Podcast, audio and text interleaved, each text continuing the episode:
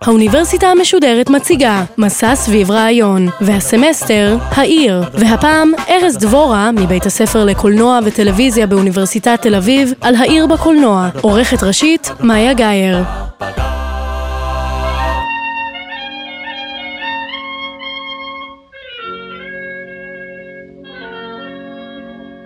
שלום, שמי ארז דבורה.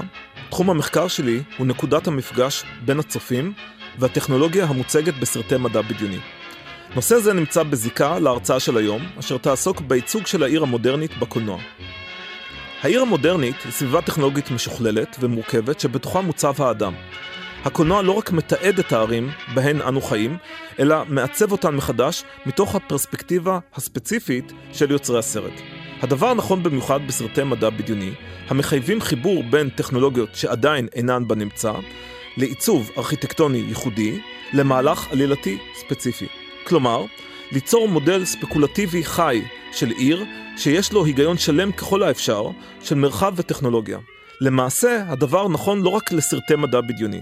כל עיר, בכל סרט, היא סוג של מודל שיש לבנותו.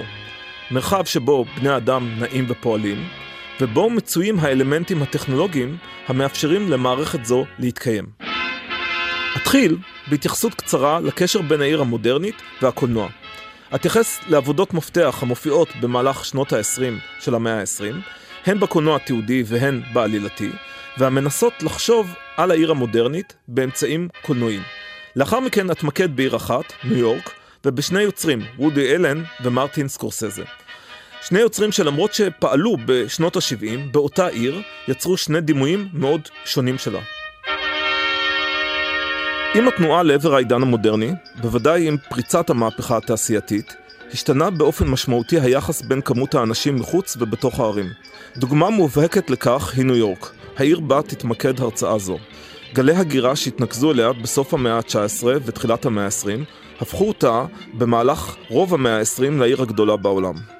העיר המודרנית היא אורגניזם שקיומו הוא תולדה של הטכנולוגיות המתפתחות. חשמל, תחבורה, ביוב ובהמשך גם העברת מידע.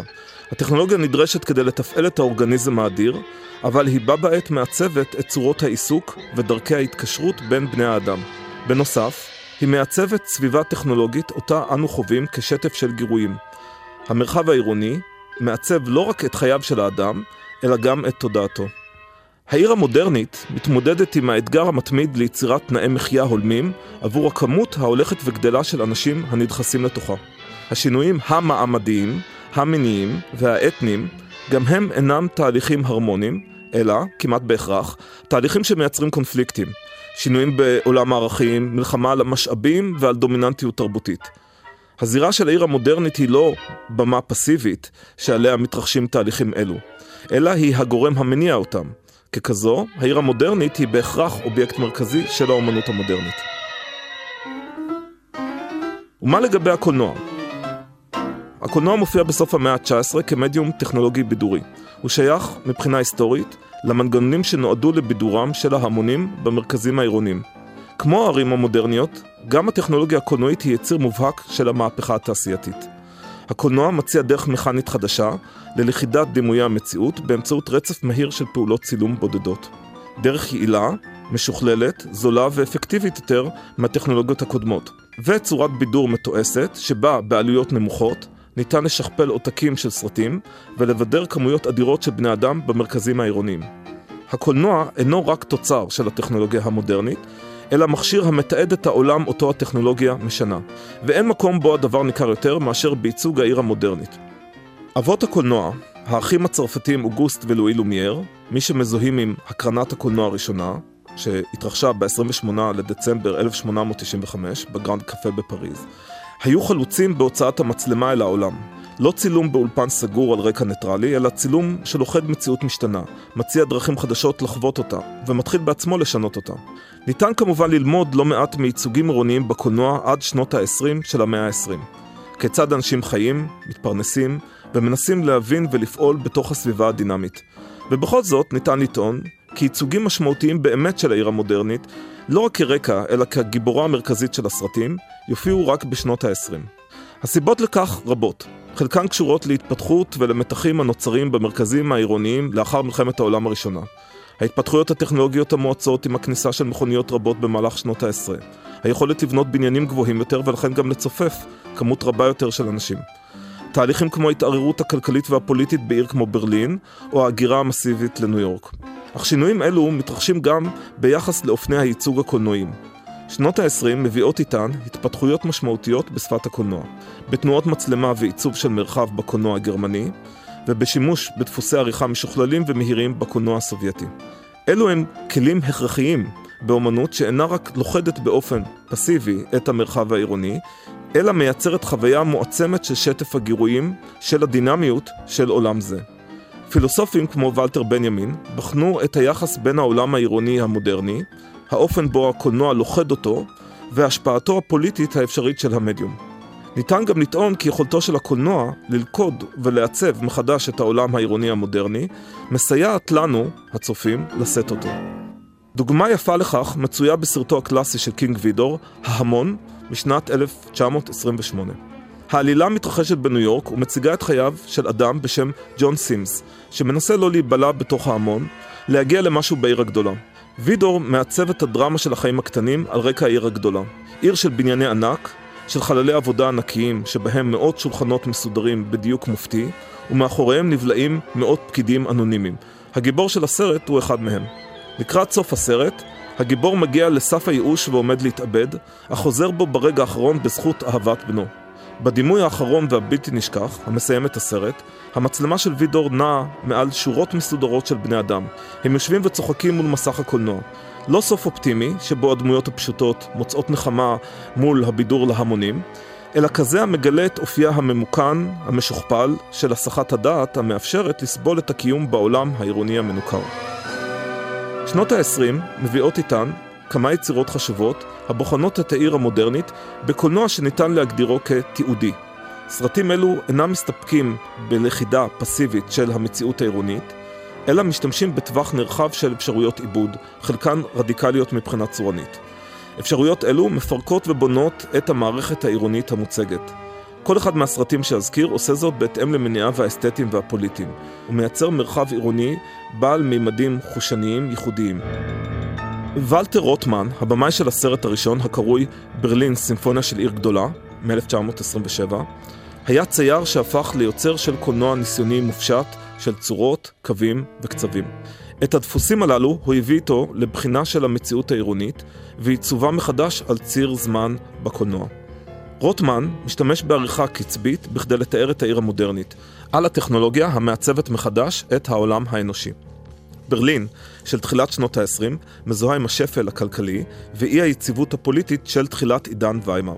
קונפליקטים אלו לא נעלמו לחלוטין כשרוטמן עושה את הסרט שלו, אך גם מה שהיה מעורער במרחב הציבורי הודחק בסרט לטובת ההכפפה של דימויי העיר, לקצב העריכה ולרעיון ההרמוני והאה-פוליטי של סימפוניה. באיש עם מצלמת הקולנוע, סרטו של זיגה ורטוב משנת 1929, הסגנון הקולנועי כבר קפץ קפיצת מדרגה קדימה, וכך גם היומרה לא רק לעצב מציאות קיימת, אלא לדון ביכולתו של הקולנוע לשמש ככלי מהפכני.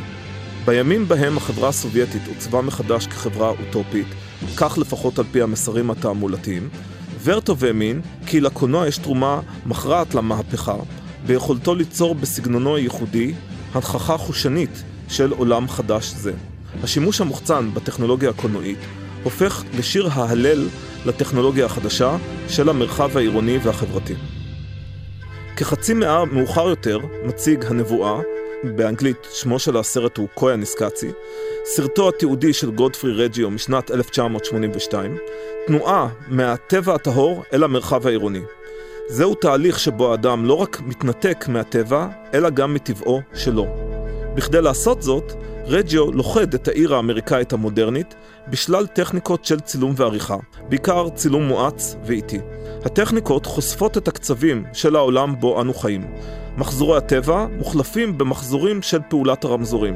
התנועה החופשית במסלולים צפופים שבהם נעים בני אדם וכלי רכב בקצבים הנשלטים על ידי הטכנולוגיה. כך למשל, העריכה הצולבת משווה בין קו ייצור של נקניקיות והמון אדם העולה במדרגות הנאות או בין מרוץ מכוניות במשחק מחשב ותנועה קדחתנית באוטוסטרדה ממשית. בשונה מהחזון הטכנולוגי-אופטימי של רוטמן ושל ורטוב, הנבואה, לפחות על פניו, מטיל ספק באמונה בדבר ההתקדמות האנושית המסתייעת בטכנולוגיה. יחד עם זאת, ניתן לטעון שעמדתו של הסרט אמביוולנטית יותר מכפי שנראה במבט ראשון. הצילומים המרהיבים, המוזיקה הרפיטטיבית, מדיטטיבית של פיליפ גלאס, הצבת הצופה בעמדת התבוננות ושליטה ששייכת למצלמה, בכל אלו יש לא רק הוקעה, אלא גם גילום של עוצמת הטכנולוגיה, ופיתוי של הצופה ליטול חלק בעוצמה זו. הנושא של העיר בקולנוע הוא רחב יריעה. כמעט כל אחת מהערים הגדולות זכתה להיסטוריה של ייצוג, ובכל אחת מהן הודגם פעם אחר פעם שישנן דרכים שונות לחוות את אותה עיר, וזאת גם כאשר מדובר ביוצרים שפועלים באותה נקודה בזמן.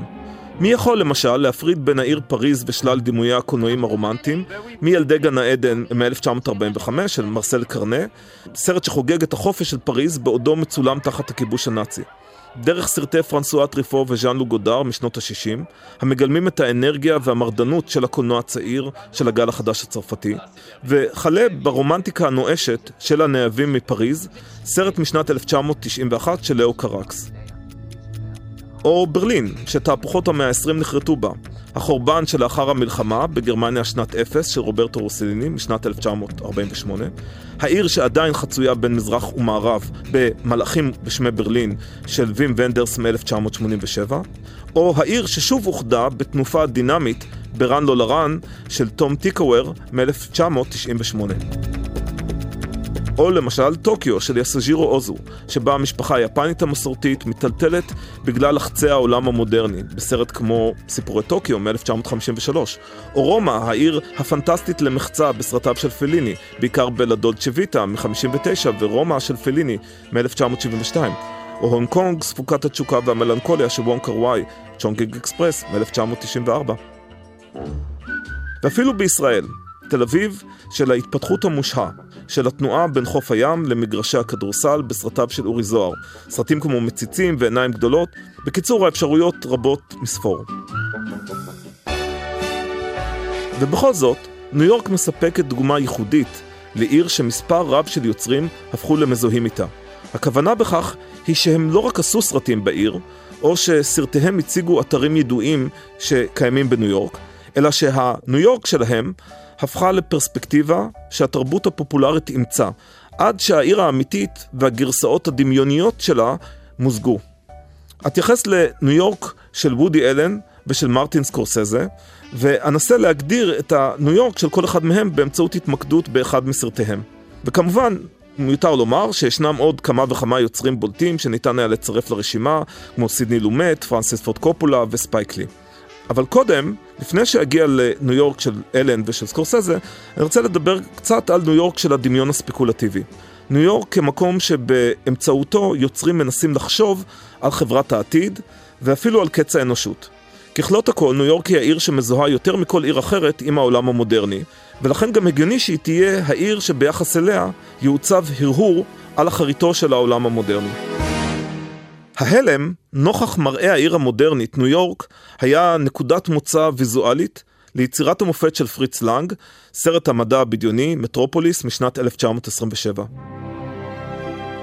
שלוש שנים קודם לכן, לנג מגיע לניו יורק, והספינה שלו עוגנת מחוץ לנמל בשעות הלילה. מהספינה הוא רואה את קו הרקיע הזוהר של העיר, והרושם שהמראה הזה הותיר עליו עורר השראה. כשהוא ראה את הדימוי הזה, הוא חשב על איך תיראה עיר העתיד בסרט שעליו הוא התחיל לעבוד. מטרופוליס מתרחש מאה שנים בעתיד, ומציג הקצנה של המתחים המוכרים בעיר המודרנית. העלילה מביאה מתחים אלו לנקודת משבר, והסרט מציע סוג של פתרון לעיוותים המבניים של העולם המודרני. כלומר, במילים אחרות, הסרט מציג לנו פנטזיה. במטרופוליס, העיר, יש דיכוטומיה מעמדית של אדונים ופועלים. הדיכוטומיה הזו מקבלת גילום ארכיטקטוני וטופוגרפי מובהק. החלוקה ברורה, מעמד האדונים בעיר העליונה ומעמד הפועלים בעיר התחתונה. בעיית היסוד של העיר המוצגת היא נתק בין שני המפלסים. כל אחד מהם מופרד, ובכל אחד מהם יש מדרג פרטני עוד יותר. בקצה העליון נמצא השכל, ההיגיון האינסטרומנטלי המוחלט של מנהיג העיר. שמו של המנהיג הוא אגב לא פחות מקיצור השם המפורש של אלוהים. במרומי המגדל הגבוה ביותר במטרופוליס נמצא מרכז הבקרה שלו.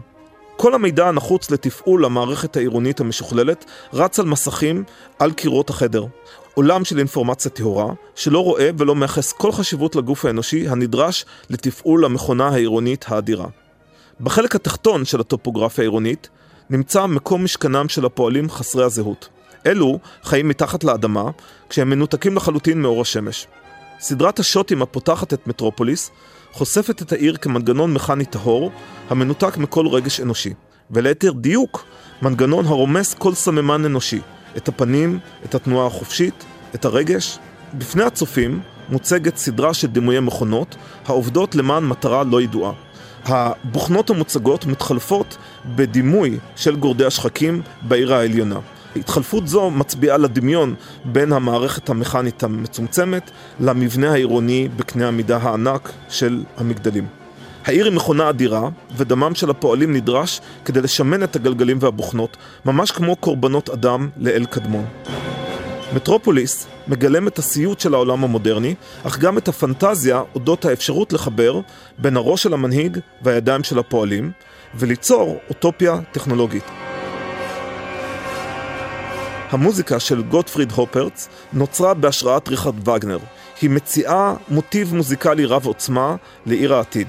היא פועלת היטב בסרט המנסה ליצור אמונה לאפשרות קיומו של מתווך. מנהיג שיופיע יאחד בין הראש והידיים באמצעות הלב.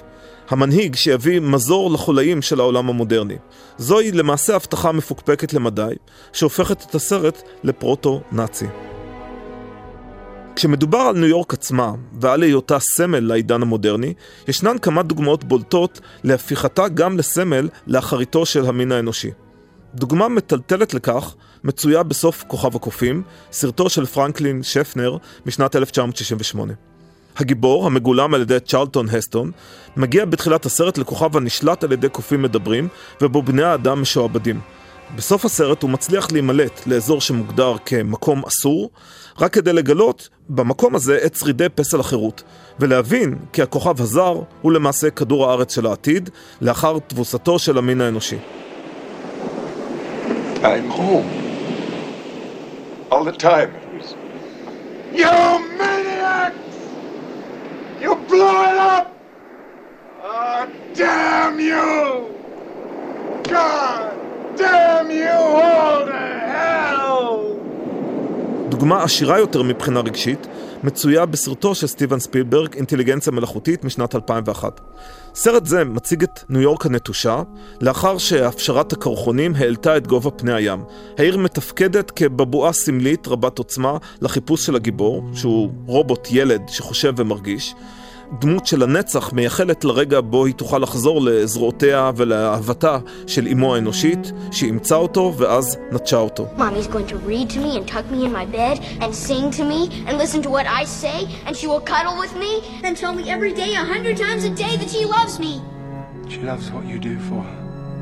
חלקו האחרון של הסרט מתרחש אלפי שנה בעתיד, בעידן קרח חדש שבו המין האנושי כבר לא קיים יותר. שרידי ניו יורק קבורים תחת שכבות של קרח שכבר לא יובקעו. החורבן הפיזי מהדהד את החורבן הרגשי, החזרה לאם האנושית לעולם לא תתאפשר. בתוך החורבות של העיר ושל התרבות האנושית נעים רובוטים משוכללים. יש להם שאיפה אחת ויחידה, להבין את העולם של יוצריהם שאינם עוד. אם נניח בצד את הפסימיות הספקולטיבית ונחזור לניו יורק האמיתית, מעניין לבחון את הדרכים השונות בהן שני יוצרים, וודי אלן ומרטין סקורסזה, שני יוצרים שמתחילים לביים בסביבות 1970, שניהם מציגים גישות שונות, שלא לומר קוטביות, להתבוננות באותה עיר.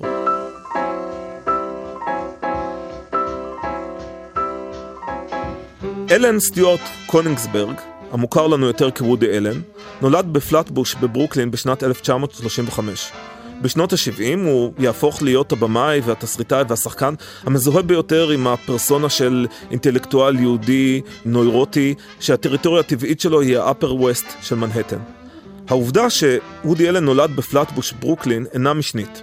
במחצית הראשונה של המאה ה-20 היו הבדלים ניכרים בין ברוקלין ומנהטן באורח החיים, במבנה הקהילתי ובתנאי המחיה.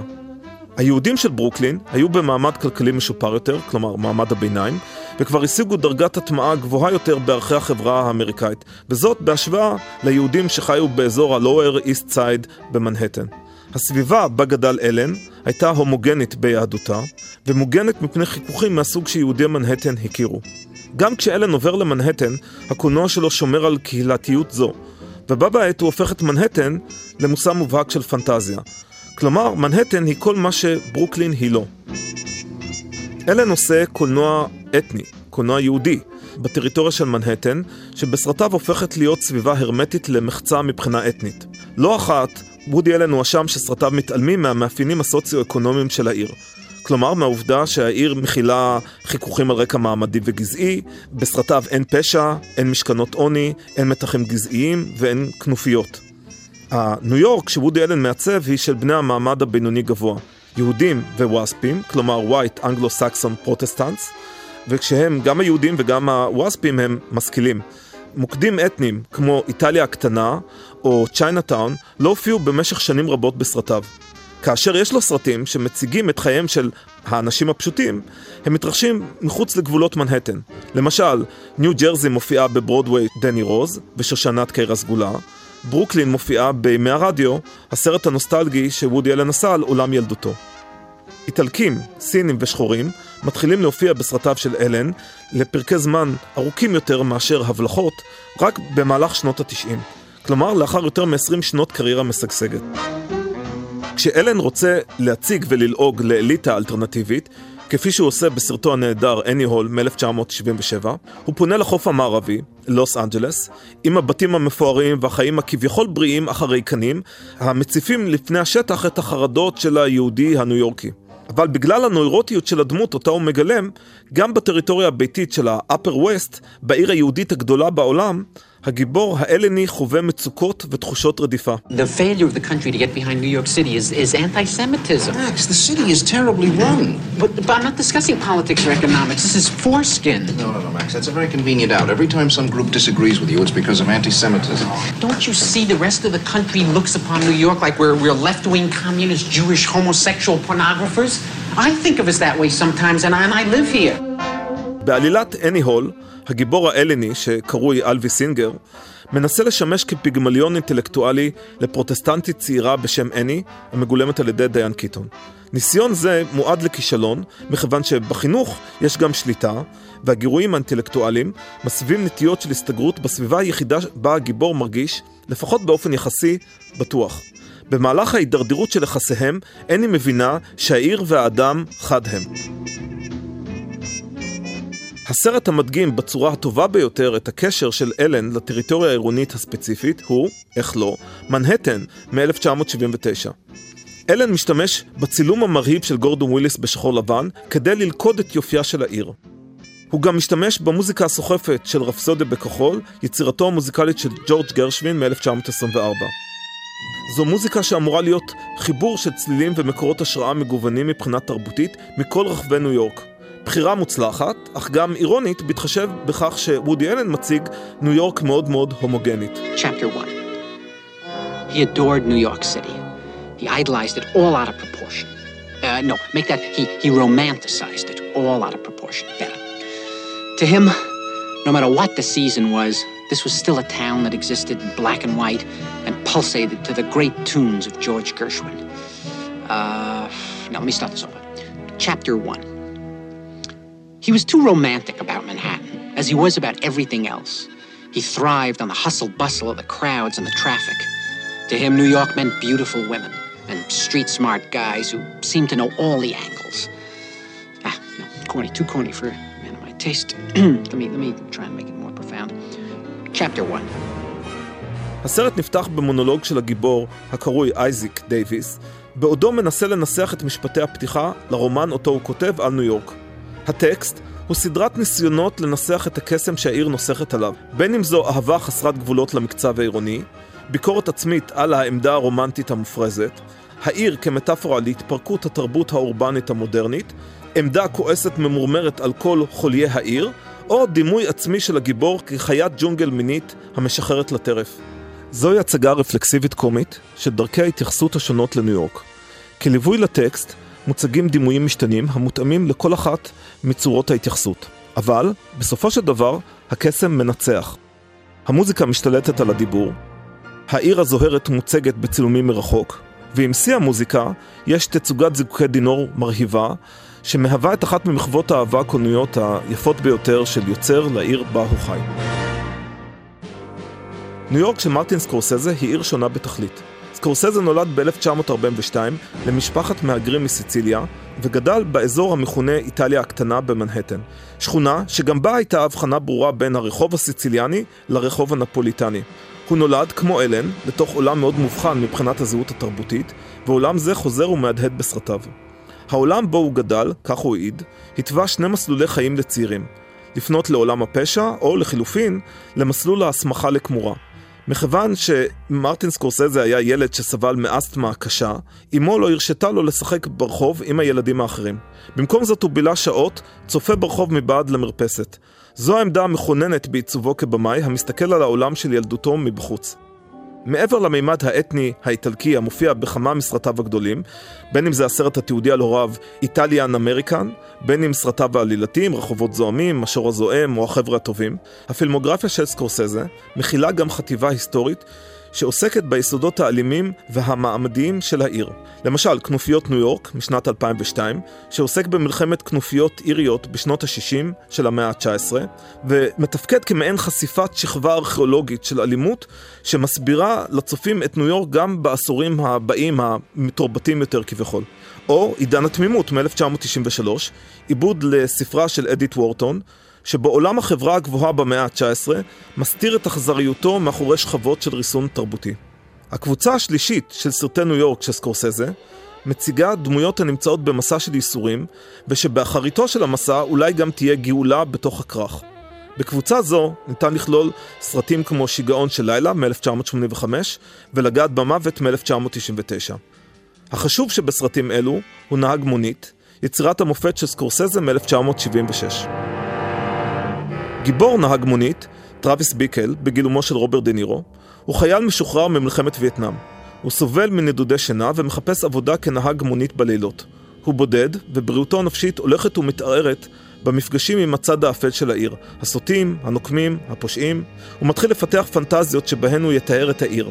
ולאחר שהאישה היפה אחריה הוא מחזר, נרתעת מהתנהגותו, מתחיל תהליך ההידרדרות שלו לתפוס תאוצה. All the animals come out at night. Whores, skunk pussies, buggers, queens, fairies, dopers, junkies. Sick, venal. Someday a real rain will come and wash all this scum off the streets. העולם העירוני מוצג בסרט כהשתקפות של התודעה ההולכת ומתעוותת של הגיבור.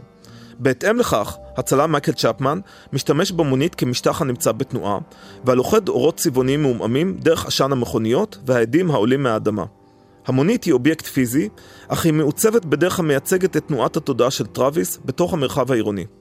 העיר הופכת, מפרספקטיבה זו, לחוויה של גיהנום עירוני, של פושעים שחורים, סרסורים אינדיאנים וילדות שמרודות לזנות. הגיבור, מעין גרסה מעוותת של גיבור המערבון, הוא מי שינוע לעבר טבח קיצוני, ניסיון טיהור בדם, אירוע שלאחריו הוא יוכל למות ואולי לעבור סוג של לידה מחדש וגאולה. באופן הפוך לקולנוע של אלן, העיר של סקורסזה היא אתר של אימה. לא רק במה שמתחולל בה, אלא גם באופן בו הנפש הופכת להיות בבואה שלה. זהו הרקע המאפשר את נרטיב הטירוף והגאולה, והעיר המודרנית והחילונית הופכת לכזו המהדהדת חוויה ותהליך שמשמעותם היא דתית.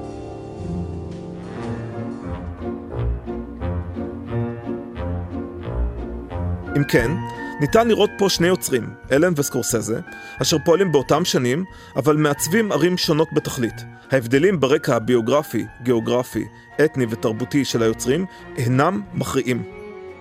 בסוף סרט הפילם נוער הקלאסי של ז'ול דסן, העיר העירומה, מהדהד המשפט יש שמונה מיליון סיפורים בעיר העירומה, וזה היה אחד מהם. הדבר נכון שבעתיים לפרספקטיבות הנבדלות של בימי הקולנוע, הניגשים למלאכת הלכידה והיצירה מחדש של העיר במסגרת אומנותם. אך ניו יורק ממשיכה להשתנות, ואיתה גם הערים ברחבי העולם שהופכות לגדולות, צפופות ומשוכללות יותר משנה לשנה. הקולנוע ימשיך במהלך הכפול, שבו הוא מציע צורות של התבוננות בערי ההווה, יחד עם ספקולציות לגבי צורות הקיום והאינטראקציות בין בני האדם ובין בני האדם והטכנולוגיה, בערים שבהם המין האנושי עשוי למצוא את עצמו בעתיד.